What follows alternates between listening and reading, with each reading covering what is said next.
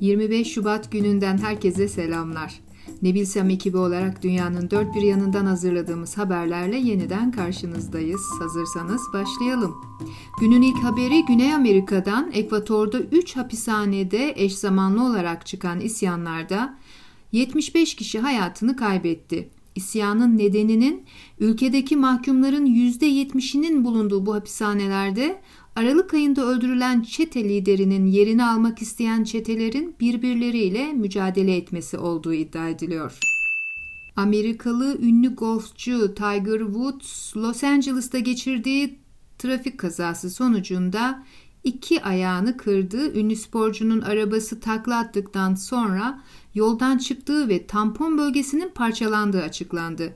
Kazayla ilgili açıklama yapan Los Angeles Emniyet Müdürü Alex aracın takla attıktan sonra hava yastıklarının açılması sayesinde kazanın daha kötü sonuçlanmadığını ifade etti. Ev hanımlarının ilgisini çekeceğini düşündüğümüz diğer haberimiz Pekin'den.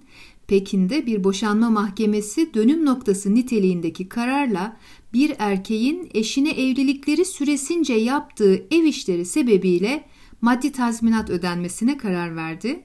Kadın 5 yıllık ücretsiz emek için 50 bin yuan yani 7700 dolar alacak.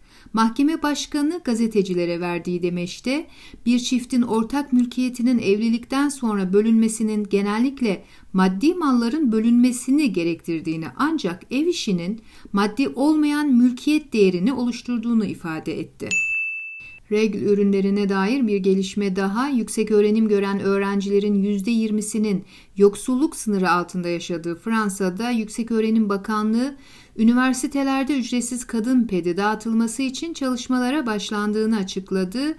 Bakanlığın kararı hakkında açıklama yapan Fransa Öğrenci Birlikleri Federasyonu kararı son derece önemli bir gelişme olarak nitelendirdi.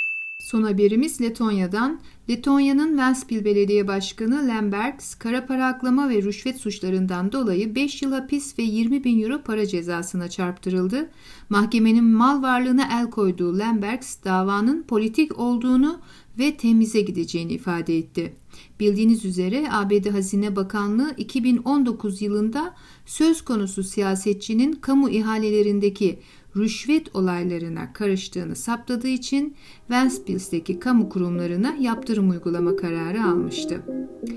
Evet bugünlük bizden bu kadar. Bir sonraki bültende görüşünceye dek sağlıcakla kalın.